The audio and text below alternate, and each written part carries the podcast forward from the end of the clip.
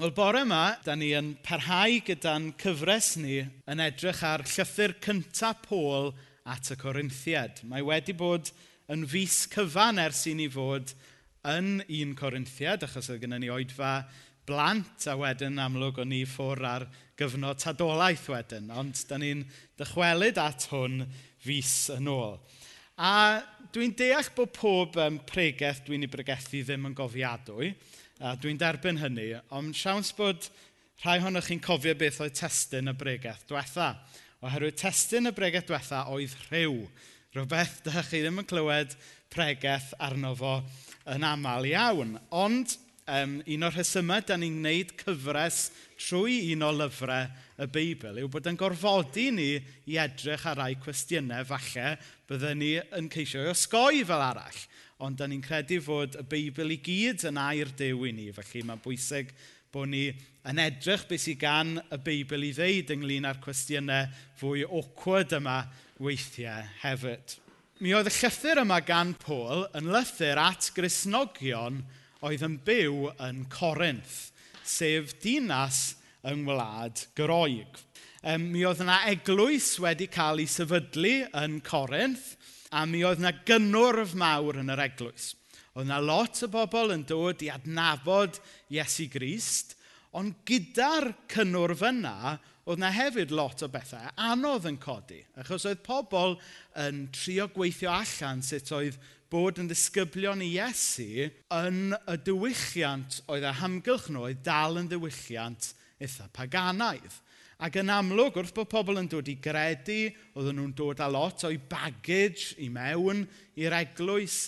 Ac da ni gyd yn gwybod yn dydan, mae dod i gredu yn Iesu, mae e, weithiau ie mae e'n foment, ond da ni gyd hefyd yn gwybod fod e'n broses yn dydy. A mae'r gwaith o ddysgu sut mae dilyn Iesu a gadael mwy o ddew mewn i'n bywydau ni, mae e'n rhywbeth sydd yn digwydd a mae rhai o'r aelodau hynaf yma'n gallu tystio bod dim diwrnod yn pasio lle mae yna rhywbeth mwy i ddysgu am gariad Dew i ni. Ddim bod fi'n edrych ar neb fan hyn. Ond, chyfod, mae yna ma wastad mwy y gallwn ni ddysgu ynglyn â Iesu. Mae yna wasad mwy o ysbryd Dew y gallwn ni gael mewn i'n bywydau. A beth da ni wedi gweld yn barod yw oedd y Corinthiaid yn work in progress. A mae hynna'n iawn. Ond yr allwedd wrth gwrs yw bod ni'n gadael dew i wneud y gwaith yna yn dyfa. Nawr, fel o'n i'n dweud, oedd hwn yn lythyr i'r Corinthiaid, ond oedd e hefyd yn lythyr i grisnogion ym mhob man ym mhob oes. Felly, da ni gobeithio yn credu bod hwn yn air gan ddiw i ni heddiw. Felly, nid dim ond rhyw ddogfen hanesyddol yw hwn, ond mae hwn yn air byw gan ddiw i ni heddiw. Felly, gai yn gwahodd ni yn ôl ar arfer, jyst i fod yn agored i bod Dyw ei hun yn siarad gyda ni trwy'r adnodau yma bore yma. Ym un catchphrase dwi wedi bod yn defnyddio yn y gyfres yma yw sgwennwyd y llythyr i ni, ond ddim ato ni. Yn yw sgwennwyd y llythyr at y Corinthiaid, ond mae e hefyd wedi cael ei sgwennu i ni. Felly, er mwyn dallt be mae Dyw'n dweithio ni, mae rhaid ni ddallt rhywbeth o'r cyd-destun gwreiddiol. Nawr, fel o'n i'n dweud, tro diwetha fi o'n i'n edrych ar benod 5, lle mae Paul yn delio ymysg pethau eraill gyda anfoesoldeb rhywiol, sef pwnc sydd jyst yn eich i gyd deimlo bach yn awkward. Um, oherwydd bod rhyw yn bwnc sensitif, yn dydy, mae yn bwnc um, personol, a mae yn bwnc mae'r eglwys dros y canrifoedd wedi stryglo i ddelio gyda fe yn y ffordd iawn ac, mewn, ac yn yr ysbryd iawn. O ddarllen be mae Paul yn dweud, um, allan o'i gyd-destun mae yn ymddangos yn eitha harsh. Ond wrth gwrs, be mae Paul eisiau gwneud ydy helpu pobl i fod y bobl mae Dyw wedi galw nhw i fod.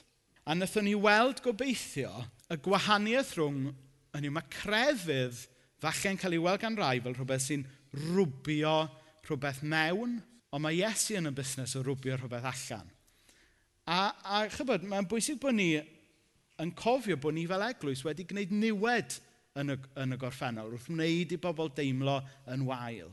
Mae'n bwysig bod ni fel eglwys yn dweud sori am wneud i bobl deimlo yn wael. Mae rhywun yn cofio slawer dydd am mamau yn beichiogi allan o briodas ac yn cael ei torri allan o'r capel ond y dynion yn cael aros yn aelodau. A, a mae'n bwysig bod ni yn dweud sori am bethau fel yna sydd wedi digwydd yn y gorffennol.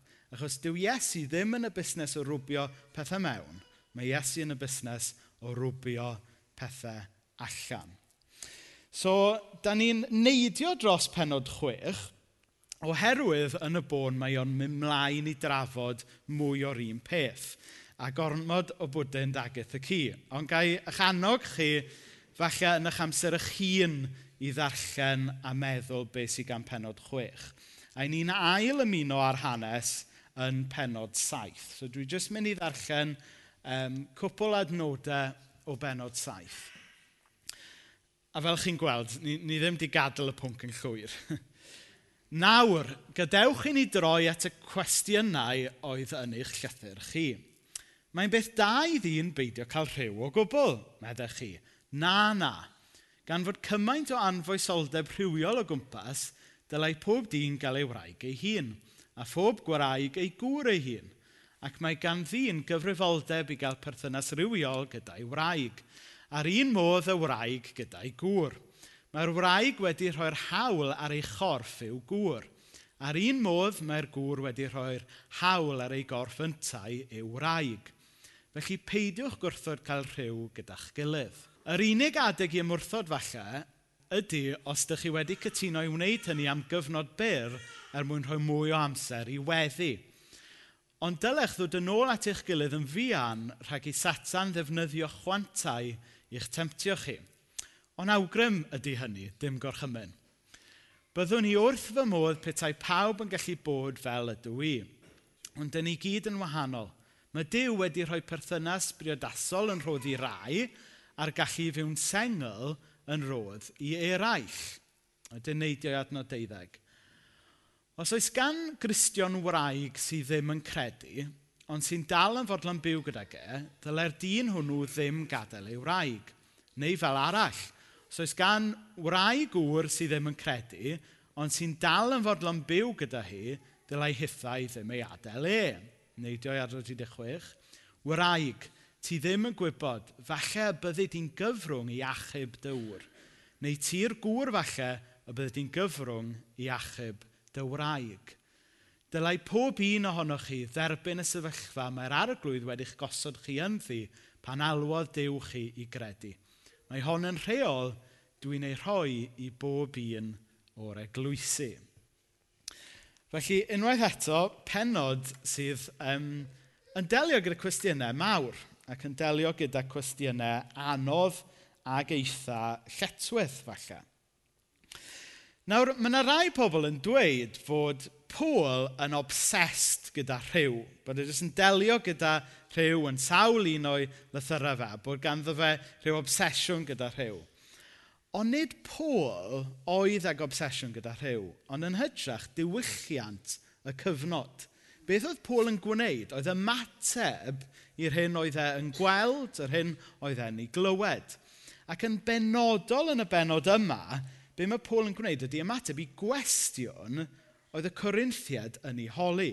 Felly, yn yr rhan yma o'r llythyr, mae fe fel y fath o Q&A, chi'n gwybod, Chi'n chi dychmygu Paul yn... Chwa, oes unrhyw gwestiynau gyda chi? Wedyn maen nhw'n gofyn y cwestiwn yma yw iawn i, i ddyn cario ymlaen i cael rhyw. A mae'n Paul fel, o, fi'n dyfaru bod fi wedi gofyn iddyn nhw ofyn cwestiwn i fi. Um, chi'n deall beth sy'n gyda fi? Ymateb oedd Paul i beth oedd e'n gweld o'i flaenau a'r issues oedd y Cresnogion a'r eglwys yn ei wynebu ar y pryd. A fel side note, um, dwi eisiau gwneud y pwynt yma. Chwa fel eglwys, da ni weithiau yn ateb cwestiynau dydy'r byd ddim actually yn gofyn. Chi'n meddwl hynny weithiau? Um, a mae yna le weithiau i ni fel eglwys wrando ar y cwestiynau sydd gan y byd a chwilio am gyfle wedyn i, i siarad y fengil Iesu Grist mewn i'r sefyllfaoedd yna. A fi'n cael bod yna wers yn hynna'n does, bod Paul yn ymateb i gwestiwn oedd gan y bobl yn hytrach na jyst ateb cwestiwn mae ie'n meddwl oedd nhw yn ei ofyn. So side note ydy hwnna. So'r cwestiwn oedd gyda nhw oedd y cwestiwn yma. Ydy hi'n beth da i ddyn beidio cael rhyw o gwbl? Nawr, beth oedd yn digwydd fan hyn oedd, fel o'n i'n dweud eisiau diwethaf, oedd Corinth ar y pryd, mi oedd e'n le le oedd pobl yn arbrofi rhywfaint gyda pob math o bethau lliwgar allan ni ddweud. Na i ddim yn mewn i fwy o fanylder na hynny, ond ych chi'n gallu darllen rhwng y llynella. Felly, oedd Paul yn amlwg wedi um, siarad yn erbyn hynny, a wedyn oedd rhai Cresnogon wedi mynd gormod i'r pegwn arall a meddwl bod Paul yn dweud peidiwch cael rhyw o gwbl. Chi'n deall beth sy'n digwydd fan hyn? Bod pobl wedi mynd i'r pegwn arall yn llwyr. A mae pobl yn gwneud hynna, dydyn? Mae pobl yn gor ymateb weithiau a mynd holl ffordd i'r pegwn arall. A mae Paul yn dweud, na, nid, nid dyna dwi'n ei ddweud. Be mae'r Beibl yn dweud yw bod rhyw yn, yn y lle cywir yn beth da. Nid jyst bod yn beth da, ond mae e actually yn rhodd gan ddew. A mae'n bwysig bod ni yn cofio hynny. Ond be mae Paul yn gwneud ydy'r pwynt sylfaenol yma, mae nid yn eu perthnasau nhw, nid yn eu perthnasau rhywiol nhw, rhwng gŵr a gwraig, yn eu perthnasau teuluol, perthnasau platonaidd hyd yn oed, nid yn yr relationships yna, mae pobl yn ffeindio pwrpas a hunaniaeth. Ond lle maen nhw'n ffeindio'u pwrpas a'u hunaniaeth yw yn eu perthynas nhw efo Dyw ei hun yn eu perthynas nhw efo Dyw, maen nhw'n darganfod pwy ydyn nhw go iawn. Ac yn eu perthynas nhw efo Dyw, maen nhw'n gallu darganfod galwad Dyw ar eu bywyd nhw. Mae'n perthynas ni efo'n gilydd, yn wr a graig, yn, yn frawd a chwaer, yn gyd aelodau yn yr eglwys. Maen nhw'n bwysig a maen nhw'n werthfawr, ond dim ond mewn cyd-destun o'n galwad Dyw ar yn bywyd ni. Ac un pwynt pwysig arall sy'n dod o'r benod yma yw mae wychus Dyw yn gweithio hi'n allan mewn bywyd priodasol i rai pobl, ond i bobl eraill fel Pôl i hun yn fywyd sengl. A chybod be, mae yna... Mae cymdeithas a, a hefyd yr eglwys wedi bod yn anghywir i bortiadu bywydau priodasol fel y norm a bod pobl sy'n sengl rhywsut yn bobl od. A wath ni fod yn onest, dyna, dyna mae rhan fwyaf mewn cymdeithas yn ei weld, a dyna mae'r eglwys hefyd yn euog o wneud. Chi'n cofio pan oedd Owen Smith yn trio am um, i fod yn um, arweinydd y blaid lafer. Pan oedd e'n lantro i ymgyrch, a wedodd e, I'm normal, I've got a wife and children. A rhan fwyaf pobl yn amenio hynny. Ond, be mae'r Beibl yn dweud fan hyn yw fod bywyd priodasol yn rhodd i rai a bod bywyd sengl yn rhodd i rhai pobl eraill. Bod dim un yn well na'r llall. Bod dim un yn fwy normal na'r llall. Bod y ddau yn normal. Bod y ddau yn rhodd gan ddew. A mae'n bwysig bod ni yn gwneud y pwynt yna. Achos chybod, dyw cymdeithas ddim wastad yn dweud hwnna wrth bobl sengl.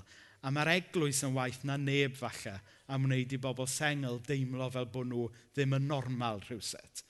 Ond mae'n amlwg fan hyn bod bod yn sengl, bod e ddim jyst yn beth da, ond mae e'n rodd gan ddiw i rai pobl, jyst fel mae priodas yn rodd gan ddiw i bobl eraill. Mae e'n dweud yn adnod um, saith fel hyn. Dyna ni gyd yn wahanol. Mae Dyw wedi rhoi perthynas briodasol yn rhodd i rai a'r gallu fyw'n sengl yn rodd i eraill. Nawr, y teitl um, dwi, dwi wedi um, roi i'r neges bore yma yw person gwahanol yn yr un hen le, sef can i Gymru yn 91. Ys rhywun yn cofio fe? Ni, ni, na ni, ta hogyn pesda fan hyn yn gyfod. Um, a oedd y gitgan yn mynd rwy'n berson gwahanol yn yr un hen le. Na ni. O'n i bron a whipio'r gitar allan a cadw fe i chi. Um, Oherwydd dwi'n meddwl mai dyna mae Paul yn, yn trio i ddweud yn y benod yma a mewn llefydd eraill. Sef pan ni'n dod yn gristion, i ni'n berson newydd, i ni'n berson gwahanol, ond yn yr un hyn le, yn fe? Ni dal, oedd y Corinthiad dal yn byw yn Corinth gyda'r holl nytrwydd diwylliannol o'i cwmpas nhw pan da ni'n dod yn gristion, da ni dal yn byw yn Carnarfon, dyn. Da ni'n cael yn cipio seithi ffwrdd i'r nefoedd. Pan da ni'n dod i gredu yn Iesu, yr un ffrindiau sydd o'n cwmpas ni. Da ni yn berson gwahanol ydyn, ond yn yr un hen le. A dyma i ni'n gweld fan hyn. Mae, mae Paul yn delio gyda un cwestiwn penodol fan hyn. Sef cwestiwn eitha sensitif, Sef beth i wneud mewn sefyllfa pan i chi wedi dod i gredu a trystio yn Iesu, ond bod chi falle yn briod gyda rhywun sydd ddim yn rhannu yr un ffydd â chi. A fi'n deall bod hwn, wrth gwrs, yn gwestiwn anodd iawn, mae'n gwestiwn sensitif iawn a mae'n gwestiwn sy'n agos at yr asgwrn falle. A mae rhywun yn gallu deall pam bod hwn weithiau yn gallu bod yn straen ar briodas. Oherwydd, unwaith i chi wedi dod i gredu a trystio'n Iesu, dyma yw un o'r pethau, os nad y peth pwysicaf yn eich bywyd chi. Ac os nad yw'r pobl agos ato chi yn rhannu y pasiwn yna, na naturiol, mae, mae e'n mynd i fod yn straen ar berthynas. Ond mae cyngor Pôl yn reit glir fan hyn. Sef ar rywydd, dyle fe ddim newid eich perthynas chi gyda'ch teulu a gyda'ch ffrindiau agosa chi. Os rhywbeth, dylech ffydd chi yn Iesu ddyfnhau eich ymrwymiad a'ch cariad chi i'ch gŵr neu'ch gwraig neu'ch ffrindiau neu'ch teulu chi sydd ddim yn rhannu eich ffydd. Oherwydd bod chi yn berson gwahanol, ond yn yr un hen le, fel mae'r gan yn dweud mae oedd y Thessaloniaid, mewn rhan arall o Beibl, mae Paul yn sgwennu llythyr at y Thessaloniaid. I problem nhw oedd unwaith oedd nhw wedi dod i gredu, y lot o'n nhw wedi cwitio'u jobs. Anhygoel, dyfa. E? Ond nhw'n meddwl, wel, ni'n credu yn Iesu nawr, ni ar y ffordd yn efoedd, a maen nhw'n rhoi di notis mewn yn y gwaith. Anhygoel, dyfa. E? A mae Paul yn dweud nhw, na, mae rhaid chi stopio diogi. Chi'n berson gwahanol, ond yn yr un hen le. A chi'n chi deall beth be sy'n mynd ymlaen fan hyn? ni yn, ma, pan ni'n dod i drystio'n Iesu, ni yn bobl gwahanol. Mae yna ysbryd gwahanol yn dod i fyw yno ni. Ond i ni yn yr un hen le yn dydyn. A dylen ni ddim sort of, golchi'n dwylo o'r ffrindiau a'r pobl a'r teulu sydd yn cwmpas ni. Dylen ni wneud y gwrthwyneb. Dylen ni ymrwymo o'r newydd i'r bobl yna. Achos nawr bod ni wedi adnabod gwir gariad yn Iesu, ni'n gallu caru'r bobl o'n cwmpas ni hyd yn oed yn fwy a hyd yn oed yn ddyfnach. A, a, a, a mae'n ymrwymiad ni i'r bobl o'n cwmpas ni'n gallu bod hyd yn oed yn ddyfnach. Adnod deuddeg. Os oes gan Gristion wraig sydd ddim yn credu, ond sy'n dal yn fodlon byw gyda ge, dyle'r dyn hwnnw ddim gadael ei wraig, neu fel arall – Os oes gan wraig gŵr sydd ddim yn credu, ond sy'n dal yn fodlon byw gyda hi, dylai hithau ddim ei adael e. So mae hwn yn gyngor um, ymarferol iawn, yn dydy. Sef, os ydyn ni'n adnabod Iesu, os ydyn ni'n adnabod cariad Iesu, fe allwn ni garu y pobl o'n cwmpas ni, yn ŵr neu gwraig, yn, yn blant, yn ffrindiau, yn deulu agos, hyd yn oed yn fwy. A wedyn mae'r adnod hyfryd yma, adnod 16, a gobeithio bod hwn yn anogaeth falle i rai ohonoch chi sydd falle wynebu'r sefyllfa yma. Wraig, ti ddim yn gwybod. Falle bydde di'n gyfrwng i achub dywr. Neu ti'r gŵr, falle bydde di'n gyfrwng i achub dy wraig. A mae hwnna yn hyfryd yn dydy. Mae hwnna yn anogaeth hyfryd gan Pôl. Nawr, dwi eisiau gorffen gyda troi y peth yn fwy cyffredinol, achos dwi'n deall bod yr union achos yma ddim yn pwyso ar bawb. Yr isw i'r Corinthiaid, y cwestiwn oedd gyda nhw, ydw i fod stico gyda'r gŵr neu gwraig sydd ddim yn rhannu yr un ffydd a fi, ac ateb Pôl oedd wyt. Cwestiwn y Thessaloniad, ydw i dal fod mynd i'r gwaith bore di llun? A'r ateb oedd wyt. Ond i rai ohono ni, mae'n gwestiwn fwy gwahanol. Felly i rai cwestiwn, y cwestiwn yw, ydw i dal fod yn aelod o'r clwb rygbi? I rai eraill, ydw i dal fod um, ymgyrchu dros bethau gwleidyddol. I rywun arall, ydw i dal fod treulio amser gyda'r ffrindiau yna. I rywun arall, ydw i dal fod yn aelod yn yr eglwys neu'r enwad lle ddeis i gredu. A'r ateb mae'r Beibl yn dweud yw wyt. Rwyt ti'n berson gwahanol, ond yn yr un hen le ti dal fod ymroi i'r clwb rygbi yna. o ti'n aelod ohono fe pan ddys di gredu. Ti dal fod mynd i dy waith bob dydd, ond nawr ti'n gallu ymroi i dy waith mewn ysbryd newydd. Ti dal yn gallu ymgyrchu dros yr ymgyrchoedd gwleidyddol yna am gyfiawnder, achos ti nawr yn adnabod awdur cyfiawnder, sef Iesu. Mi wyt ti dal fod buddsoddi amser yn dy ffrindiau di, Chos ti nawr mynd i allu caru dy ffrindiau di mewn ffordd dyfnach byth.